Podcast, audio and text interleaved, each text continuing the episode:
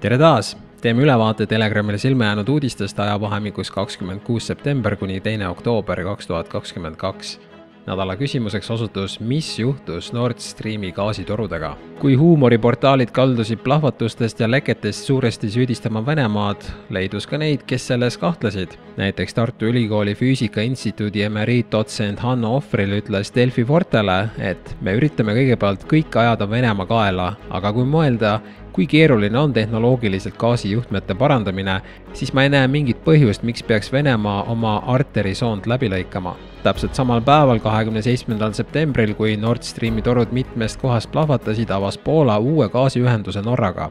huvitav kokkusattumus?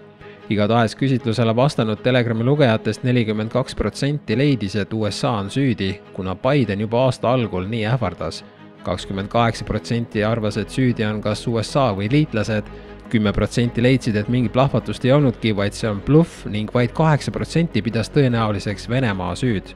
üks protsent vastanutest arvas aga, et keegi pole süüdi ja tegu oli õnnetusega.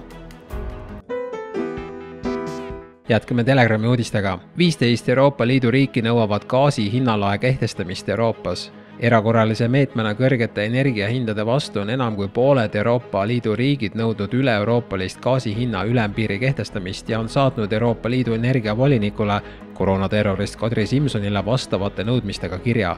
selles kutsuvad valitsused Euroopa Komisjoni üles esitama viivitamatult ettepanekud gaasi piirhinna kohta see peaks puudutama gaasitarneid välismaalt, näiteks importi Venemaalt ja teistest riikidest, aga ka tehinguid Euroopa Liidu hulgimüügikeskustes kusjuures Eesti ei kuulu nende viieteist riigi hulka. huvitav küll, miks. kümned tuhanded inimesed nõuavad Prahas Venemaa vastaste sanktsioonide lõpetamist.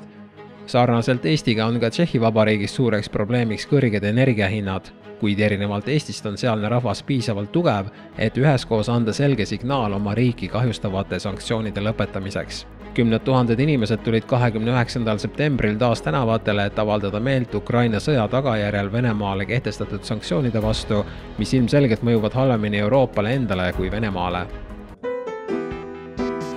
vaktsiini mRNA rinnapiimas, mida emad peavad nüüd teadma aasta tagasi soovitasid nii rahvusvahelised kui ka kodumaised jutumärkides koroonaeksperdid, loe koroonaterroristid, rasedatel ja rinnaga toitvatel naistel end mRNA vaktsiiniga vaktsineerida.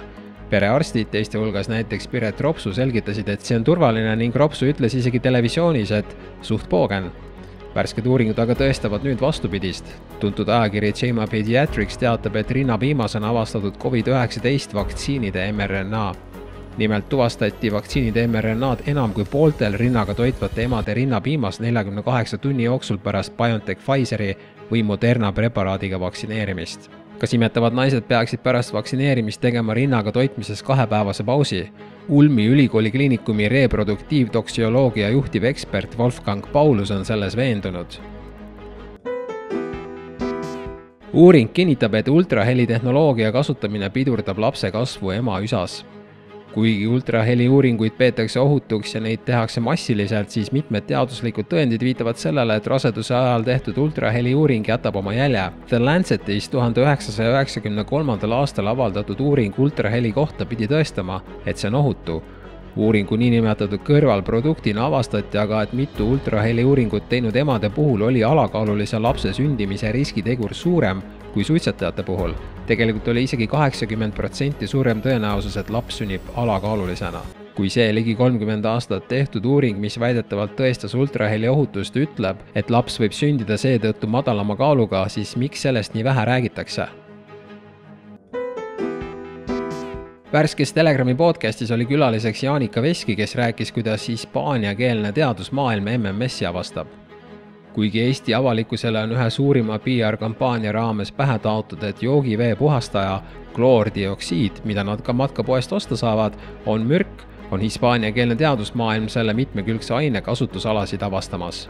näiteks suuresti hispaaniakeelseid riike kaasav organisatsioon Comusav Coalición Mundial Salud y Vida eesti keeles ühendus tervise ja elu jaoks, kuhu on koondunud tuhanded arstid, teadlased ja meedikud, uurib kloordioksiidi kasutusvõimalusi koroona ja teiste haiguste raviks ning jagab oma avastusi igakuistel avalikel konverentsidel. sellest ja paljust muust saad rohkem teada Telegrami podcasti vaadates. lubage, ma panen oma kaamera filmima mm. -hmm. täiesti mõttetu, täiesti ebavajalik nii mõttes mõtled, et ma ikkagi panen ja. ja tänu sellele sai see saade päästetud. aga jaa ja, nii ohtlik info CDC üllatuslik uuendus. USA tervishoiuasutustes ei nõuta enam maski kandmist kui CDC soovitas varem tungivalt tervishoiuasutustes kanda maski Covid-19 pandeemiaga võitlemiseks, siis nüüd on juhist muudetud. uuendused tehti selleks, et kajastada vaktsiinide ja läbipõdemise teel saadud kõrget immuunsuse taset ning tõhusate ravi- ja ennetusvahendite kättesaadavust, öeldakse CDC uutes juhistes.